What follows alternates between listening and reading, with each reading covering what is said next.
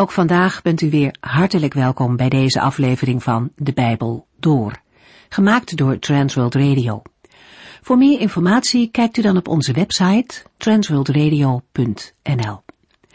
In deze serie gaat u in vijf jaar tijd met ons de Bijbel door, van Genesis 1 tot en met het laatste vers in Openbaring 22.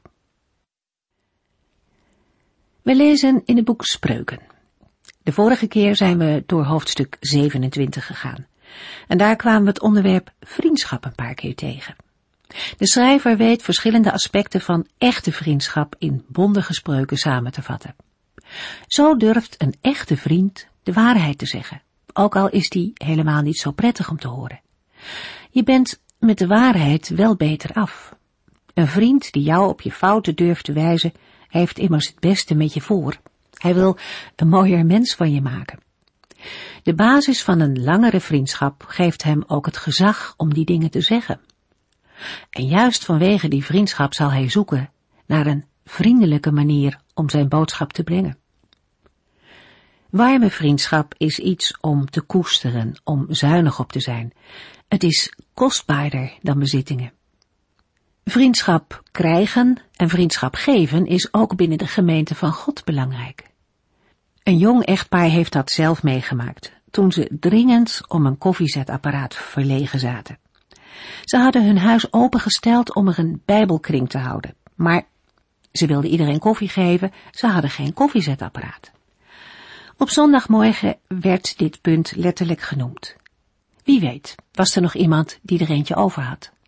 En zondagavond vertelde ze blij dat ze inmiddels tien koffiezetapparaten aangeboden hadden gekregen. En zo zijn er veel voorbeelden te geven. Vriendschap wordt ook zichtbaar in geven, om elkaar geven en aan elkaar geven. Een vriendelijk woord, een hand op de schouder, een kaartje of een bezoek. Dingen die soms nauwelijks een naam hebben, maar zoveel kunnen betekenen voor de anderen. In een maatschappij die steeds drukker en jachtiger lijkt te worden, mogen we er extra op letten om vriendschap uit te delen om ons heen. Daarin mogen we iets van de liefde van God laten zien. Corveda gaat nu verder met spreuken 28. Met spreuken 28 zijn we aangekomen bij het tweede deel van de spreuken van Salomo, die door de mannen van Hiskia zijn verzameld en opgetekend. Het geheel omvat spreuken 28 en 29 en heeft een herkenbare structuur. Het centrale vers is spreuken 29 vers 1, waar wordt gesproken over een man die ondanks veelvuldige waarschuwingen weigert zijn leven te beteren en zijn hart verhardt. Verschillende bijbeluitleggers geven aan dat spreuken 28 en 29 overeenkomsten vertonen met Egyptische spreukenverzamelingen. Omdat deze Egyptische spreukenverzamelingen te maken hebben met koninklijke verzamelingen, is het waarschijnlijk dat ook spreuken 28 en 29 gericht zijn op onderwijs aan een koning. Het eerste gedeelte, spreuken 28 vers 1 tot en met 11, bevat een inleidend vers en een hoofddeel met twee subdelen die spreken over wijsheidsonderwijs, vers 2 tot en met 6, en een rechtvaardige regering, vers 7 tot en met 11. Spreuken 28 vers 1. Goddeloze vluchten, ook als ze niet worden achtervolgd, maar iedere rechtvaardige heeft de moed van een jonge leeuw. In deze spreuk wordt de tegenstelling beschreven tussen de innerlijke onzekerheid van een goddeloze en de zelfverzekerdheid van een rechtvaardige. Een goddeloze vlucht, hoewel er geen achtervolger is. Daar staat tegenover dat rechtvaardigen zelfverzekerd zijn als een jonge leeuw. De innerlijke onrust die boosdoeners of goddelozen ervaren, komen we tegen in Leviticus 26 vers 36 waar de Heere zegt dat hij angst in de harten van mensen zal brengen, die van hem afdwaalden en niet naar zijn vermaningen wilden luisteren. Een voorbeeld van een mens die dapper was, is David, die oog in oog met Goliath, als ook met beren en leeuwen stond. David kon zo moedig zijn, omdat hij geloofde in een machtige God, de God van Israël. In 2 Samuel 22, vers 30 en 31 zingt David, Door uw kracht kan ik een heel leger verslaan en spring ik over een hoge muur. Gods weg is volmaakt. Het woord van de Heer is waar. Hij beschermt allen die zich aan hem toevertrouwen. Dezelfde woorden vinden we in Psalm 18, vers 28 tot en met 30. U verlost een volk dat in nood is, maar veracht trotse mensen. U zorgt ervoor dat mijn lamp blijft branden. U, Heere, mijn God, bent het licht in de duisternis. Samen met u durf ik een leger tegemoet te treden. Ja, met mijn God kan ik over muren springen. De moed van David was een geschenk van God. Spreuken 28 vers 2 Als de inwoners van een land veel zondigen, volgen de koningen elkaar in snel tempo op, maar verstandige en wijze onderdanen maken lange regeerperioden mogelijk. Vers 2 verwoordt de situatie van een instabiele regering. De oorzaak daarvan ligt in het feit dat de inwoners van het land veel zondigen. Daarmee wordt onder andere het ondergraven van Gods wetten bedoeld. Voorbeelden van een dergelijke instabiele situatie zijn te vinden in het tienstammenrijk Israël, dat niet handelde naar de wil van de Heere. In het tweede deel van vers 2 wordt aangegeven dat door wijze en verstandige onderdanen het recht van lange duur zal zijn.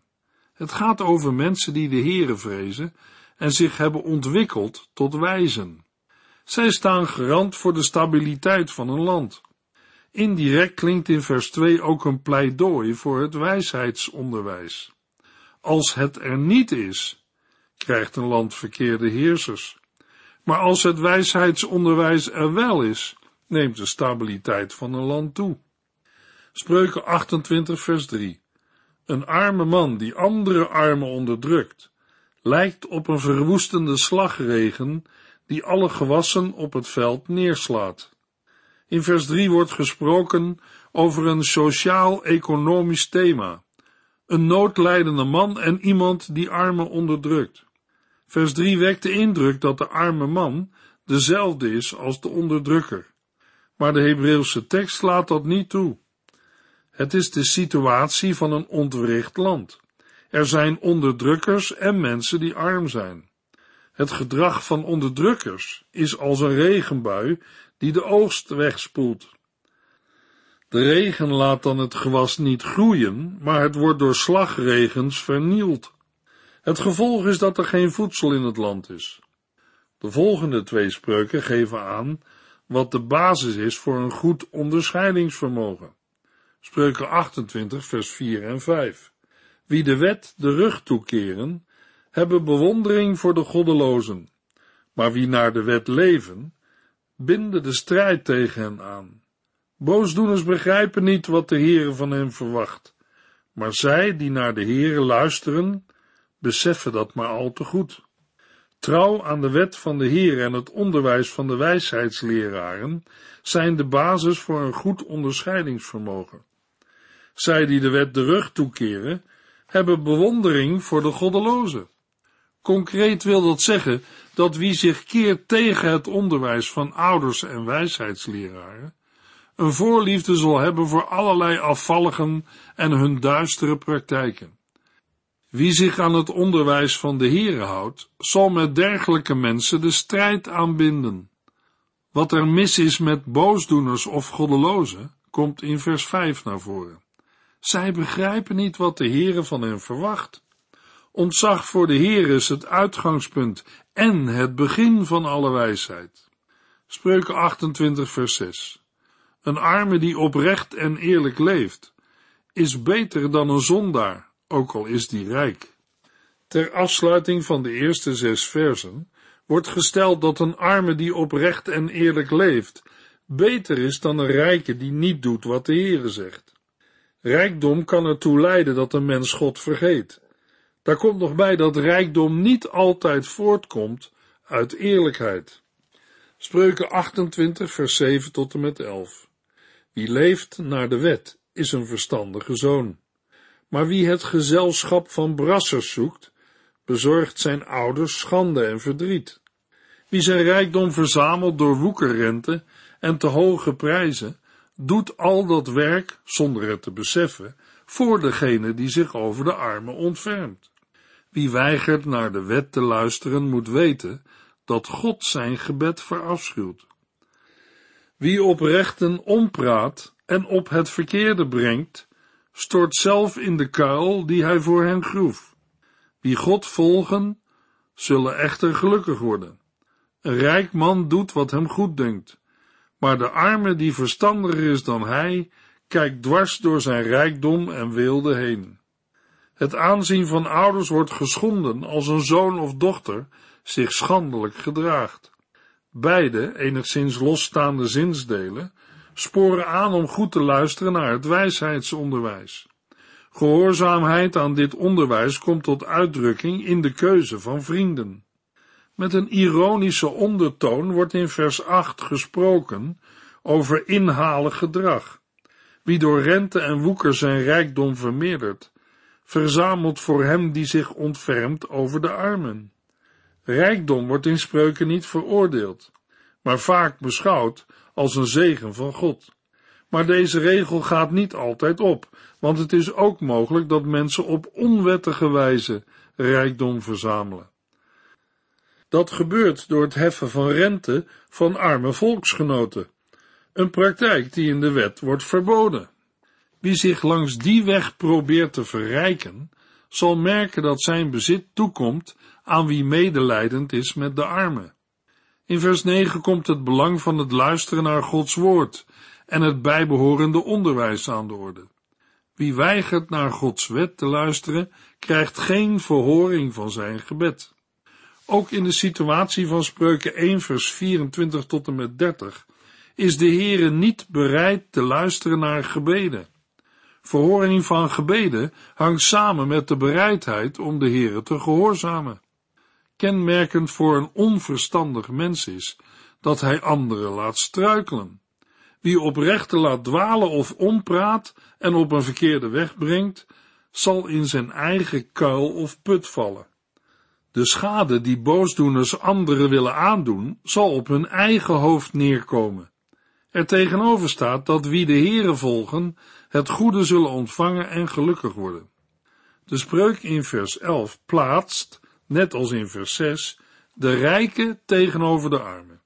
Een rijke kan de neiging hebben te denken dat hij zijn bezit door eigen kracht heeft verworven. Iemand die verstandig is, heeft het vermogen een dergelijke zelfingenomenheid te doorzien en na te laten. Om verstandig te zijn hoeft een mens niet rijk te zijn. Bezit kan wel een bewijs van Gods zegen en wijsheid zijn, maar dat is niet noodzakelijk. Het is zelfs mogelijk dat iemand zonder veel bezit verstandiger is. Het volgende gedeelte dat in Spreuken 28 aan de orde komt, handelt over heerschappij en het verwerven van welvaart. De versen 12 tot en met 28 beginnen en eindigen met een spreuk waarin een rechtvaardige tegenover een goddeloze wordt geplaatst. Het eerste deel, vers 13 tot en met 18, gaat over de Heere en een heerser of leider, terwijl de daarop volgende delen, vers 19 tot en met 24 en 25 tot en met 27, ingaan op het verwerven van welvaart. Spreuken 28 vers 12 Wanneer het de rechtvaardigen goed gaat, gaat het het hele land goed. Maar bij de opkomst van de goddelozen verbergen de mensen zich uit angst. Voor de woorden wanneer het de rechtvaardigen goed gaat, staat in de Hebreeuwse tekst. Als de rechtvaardigen juichen, is de heerlijkheid groot. Er zal een situatie bedoeld zijn waarin rechtvaardigen een overwinning behalen en daarom juichen. Aangezien dan de rechtvaardigheid stegeviert, zal het hele land opbloeien. Het is anders wanneer boosdoeners of goddelozen opstaan. Dan zegeviert het onrecht en moet er grondig naar mensen worden gezocht. Als een dictator heerst, zullen mensen zich liever verbergen en uit angst zich niet op openbare plaatsen vertonen. Vers 12 is een inleiding op wat volgt. In de versen 13 tot en met 18 gaat het over de Heere en de Heerser. Het gedeelte bestaat uit drie eenheden van twee versen. De eerste en de laatste spreuk, in de versen 13 en 17, hebben betrekking op een mens die voor Gods aangezicht een bezwaard geweten heeft. Spreuken 28, vers 13 en 14. Wie niet voor zijn zonden uitkomt, kent geen voorspoed. Maar wie ze beleidt en zijn leven betert, kan rekenen op liefde en genade. Gelukkig is hij die ontzag heeft voor de Heere. Maar wie opstandig blijft, wordt in het verderf gestort. De eerste twee spreuken zijn inhoudelijk met elkaar verbonden. Wie zijn zonden en overtredingen bedekt, zal niet voorspoedig zijn, maar wie ze beleidt en nalaat, zal vergeving ontvangen. Het bedekken van zonde duidt op het geheim houden van misstappen. Hoewel de tekst er niet duidelijk over is, lijkt het erop dat iemand zijn fouten zowel tegenover de Here als ook tegenover hooggeplaatsten ontkent. Net als bij David in Psalm 32 vers 5 moeten zonden worden beleden. Het spreken over beleiden van zonde en vergeving is uniek in het Bijbelboek Spreuken. We zien overeenkomst met de verkondiging van profeten als Jezaja en Hosea. Zaken als oprechtheid, berouw en eerlijkheid worden niet alleen door de heren, maar ook door koningen gewaardeerd. Een voorbeeld van vergeving door een koning vinden we bij Simi, die zijn schuld aan David beleidt. De spreuk in vers 14 vermeldt dat een mens die ontzag heeft voor de Heere gelukkig is. Ontzag en respect tegenover de Heere en hooggeplaatsten is voor ieder mens een goede houding. Er tegenover staat dat de mens die zijn hart verhardt zich in het verderf stort. Verharding van het hart duidt op een gemis aan flexibiliteit en bereidheid tot leren. Zo'n houding komt naar voren in opstand tegenover de Heere, maar ook tegenover opvoeders of raadgevers. Het feit dat de verharding voortkomt uit het hart, maakt duidelijk hoe diep het verzet is geworteld. Spreuken 28, vers 15 en 16. Een goddeloze leider van een arm volk gaat tekeer als een brullende leeuw en een grommende beer. Een onverstandige koning bezorgt zijn onderdanen veel onderdrukking, maar wie niet alles opoffert aan geldelijk gewin, wordt oud. De versen 15 en 16 spreken over een vrede en goddeloze tiran. Een brullende leeuw en een hongerige of grommende beer zijn passende beelden voor een boosaardige leider van een arm volk. De genoemde dieren zijn gevaarlijk, verscheurend en in deze verse actief jagend. Zo is een boosaardige leider uit op de exploitatie van een arm volk. Het volk heeft al weinig, maar hun koning maakt hen nog armer. De spreuk in vers 16 bevat twee zinnen die niet zo makkelijk met elkaar te verbinden zijn. Het eerste versdeel spreekt over een koning met gebrek aan inzicht, die zich schuldig maakt aan onderdrukking, terwijl het tweede versdeel aangeeft dat wie niet alles opoffert aan geldelijk gewin, lang zullen leven. In beide gevallen gaat het over een koning. In het eerste geval een onderdrukker en in het tweede geval iemand die wijsheid heeft en oneerlijke winst haat. Wie een afkeer heeft van oneerlijkheid in de handel, zal de zegen van een lang leven ervaren. Spreuken 28, vers 17 en 18. Wie een moord op zijn geweten heeft, zal tot zijn dood toevluchten. Laat niemand hem daarvan weerhouden. Wie oprecht leeft, wordt gered, maar wie van twee walletjes wil eten, zal ten val komen. Hierna gaat het over de consequenties van onderdrukking. Een mens die beladen is met bloedschuld, zal tot zijn dood toe vluchten, terwijl niemand hem ondersteunt. Het vergieten van menselijk bloed wordt in het Oude Testament beoordeeld als een zeer ernstige misdaad, die een mens met de dood moet bekopen. Bloedschuld houdt overigens niet per definitie in dat een moord is gepleegd maar kan ook betrekking hebben op een ernstige morele overtreding. Dat bloedschuld niet altijd betrekking heeft op moord, blijkt uit Leviticus 20 vers 11, waar ernstige seksuele overtredingen worden aangeduid als een vorm van bloedschuld. Ook het vergieten van bloed bij een illegaal offer geldt als bloedschuld. De straf op bloedschuld is dat een mens wordt verstoten uit het midden van zijn volksgenoten. Het is te begrijpen dat iemand waarop een bloedschuld rust in grote angst leeft en een veilige schuilplaats zoekt. Hier wordt gezegd dat iemand op wie bloedschuld rust zijn leven lang moet vluchten. We kunnen denken aan de onrust van Kain na de moord op Abel. Aan het einde van de spreuk weer klinkt de oproep dat niemand zo iemand moet helpen of ondersteunen. Het Hebreeuwse woord dat in het boek vertaald is met weerhouden, heeft een bredere betekenis. Het kan grijpen, vasthouden en ondersteunen betekenen. De bedoeling is, de wrekende gerechtigheid zal zichzelf wel uitwerken. Niemand kan dat tegenhouden, maar hoeft ook niet te helpen. Vers 18 geeft aan dat degene die oprecht leeft gered zal worden. Maar wie ten koste van alles rijk wil worden, fraudeert en van twee walletjes wil eten, zal ten val komen.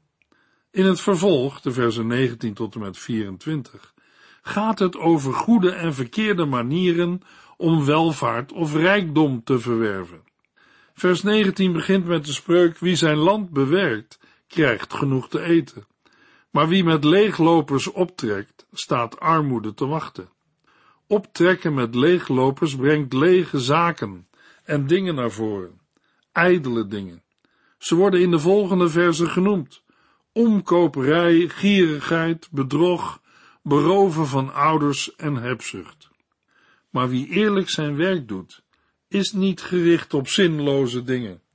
Een betrouwbaar mens ontvangt volop zegeningen, terwijl iemand die ten koste van alles rijk wil worden, zijn straf niet zal ontlopen. Daarna komt in vers 21 de zonde van omkoperij aan de orde. Partijdig zijn is niet goed. Al voor een stuk brood is men ertoe bereid. De verleiding tot omkoperij kan in bepaalde situaties groot zijn, maar is niet goed. De zonde van hebzucht wordt in vers 22 aan de kaak gesteld. Een begeerig mens haast zich om snel rijk te worden. Maar hij of zij is zich er niet van bewust wat de gevolgen zijn van zo'n levenshouding. Hij wordt een gierig en kwaadaardig mens. En armoede staat hem te wachten. In vers 23 gaat de spreuk verder over bedrog. Wie wordt berispt, zal merken dat het hem goed gaat en dat het beter is dan wanneer hij naar de mond wordt gepraat. Aan het einde van dit gedeelte wordt gesproken over iemand die zijn ouders bedriegt. Wie zijn vader en moeder berooft en zegt dat het niets verkeerds is, staat gelijk aan een misdadiger. In het licht van de oproep in Exodus 20 en Deuteronomium 5 om de ouders te eerbiedigen, hebben we hier te maken met een ernstige misdaad. Een dergelijke manier om snel aan bezit te komen geldt als een zware zonde, en hoewel dit vers niet over een straf spreekt, is duidelijk dat zo iemand zijn straf niet ontloopt. Spreuken 28, vers 25 tot en met 27. Een onbescheiden mens is een aanstichter van ruzie, maar wie op de Heere vertrouwt, gaat het goed. Wie op eigen oordeel vertrouwt, is een dwaas, maar wie op Gods wijsheid bouwt, ontkomt aan de straf. Wie een arme geeft, zal geen gebrek lijden, maar wie de nood van de arme niet wil zien, zal veelvuldig worden vervloekt. De versen 25 en 26 gaan in op het fundament van rijkdom, de omgang met de Here en een leven volgens het wijsheidsonderwijs. Een mens die op de Here vertrouwt, staat anders in het leven, doordat hij of zij ontzag voor God heeft, laat hij ruimte voor anderen en wordt door de Here gezegend. Het thema vertrouwen wordt in vers 26 voortgezet. Een mens moet met een toegewijd hart de Heere vertrouwen en niet op eigen inzicht bouwen. Vers 27 spreekt nogmaals over zuivere en onzuivere manieren om rijkdom te verwerven. Wie aan een arme geeft, zal geen gebrek lijden. Maar degene die zijn ogen voor hen sluit, zal ernstig vervloekt worden. Spreuken 28 vers 28 komt inhoudelijk vrijwel overeen met vers 12b. En er is sterke overeenkomst met Spreuken 29 vers 1. Mensen gaan uit angst ondergronds als goddelozen aan de macht komen. Spreuken 29 vers 1. Een man die ondanks veelvuldige waarschuwingen weigert zijn leven te beteren, komt onverwacht ten val. In vers 1 gaat het over iemand die keer op keer niet bereid is te luisteren naar het onderwijs van de wijsheidsleraar. Wie zo structureel halstarrig is, zal plotseling geconfronteerd kunnen worden met zijn val. Daarmee wordt op indirecte wijze de zoon of leerling opgeroepen bestraffing niet af te wijzen. Correctief onderwijs is van vitaal belang voor de vorming van jongeren. Spreuken 29 vers 2 Wanneer de rechtvaardigen aan de macht komen, voelt het volk zich tevreden. Maar onder het bewind van een goddeloze wordt het volk verdrukt. Door corrupte leiders wordt het volk verdrukt. Spreuken 29 vers 3 en 4 Een vader is blij met een verstandige zoon, maar een hoerenloper jaagt zijn geld erdoor. Een koning houdt zijn land gezond door rechtvaardig te regeren, maar een corrupte koning leidt zijn land naar de ondergang. Het spreekt voor zich dat een vader verdriet heeft van een losbandige zoon, die ook nog eens het van de voorouders geërfde bezit er doorheen jaagt. Na de seksuele immoraliteit wordt ingegaan op hebzucht van een onverstandige zoon. Vers 4 wijst op een corrupte koning die zichzelf verrijkt door torenhoge belastingen. Zowel in het opvoeden als in het regeren is eerbied en ontzag voor de heren van groot belang. Alleen dwazen schatten Gods lessen en wijsheid niet op hun waarde. Daarover meer in de volgende uitzending. U heeft geluisterd naar De Bijbel Door, in het Nederlands vertaald en bewerkt door Transworld Radio. Een programma waarin we in vijf jaar tijd de hele Bijbel doorgaan. Als u wilt reageren op deze uitzending of u heeft vragen, dan kunt u contact met ons opnemen. Tijdens kantooruren kunt u bellen op 0342 478432. 0342 478432. Ook kunt u een e-mail sturen naar de en natuurlijk kunt u ook via de post ons bereiken. TWR, postbus 371, postcode 3770, AJ in Barneveld. Dit programma werd gepresenteerd door Cor Weda en Ike André. Techniek was in handen van Odin van Voerkom. En wij allemaal bedanken u voor het luisteren. Graag tot de volgende keer.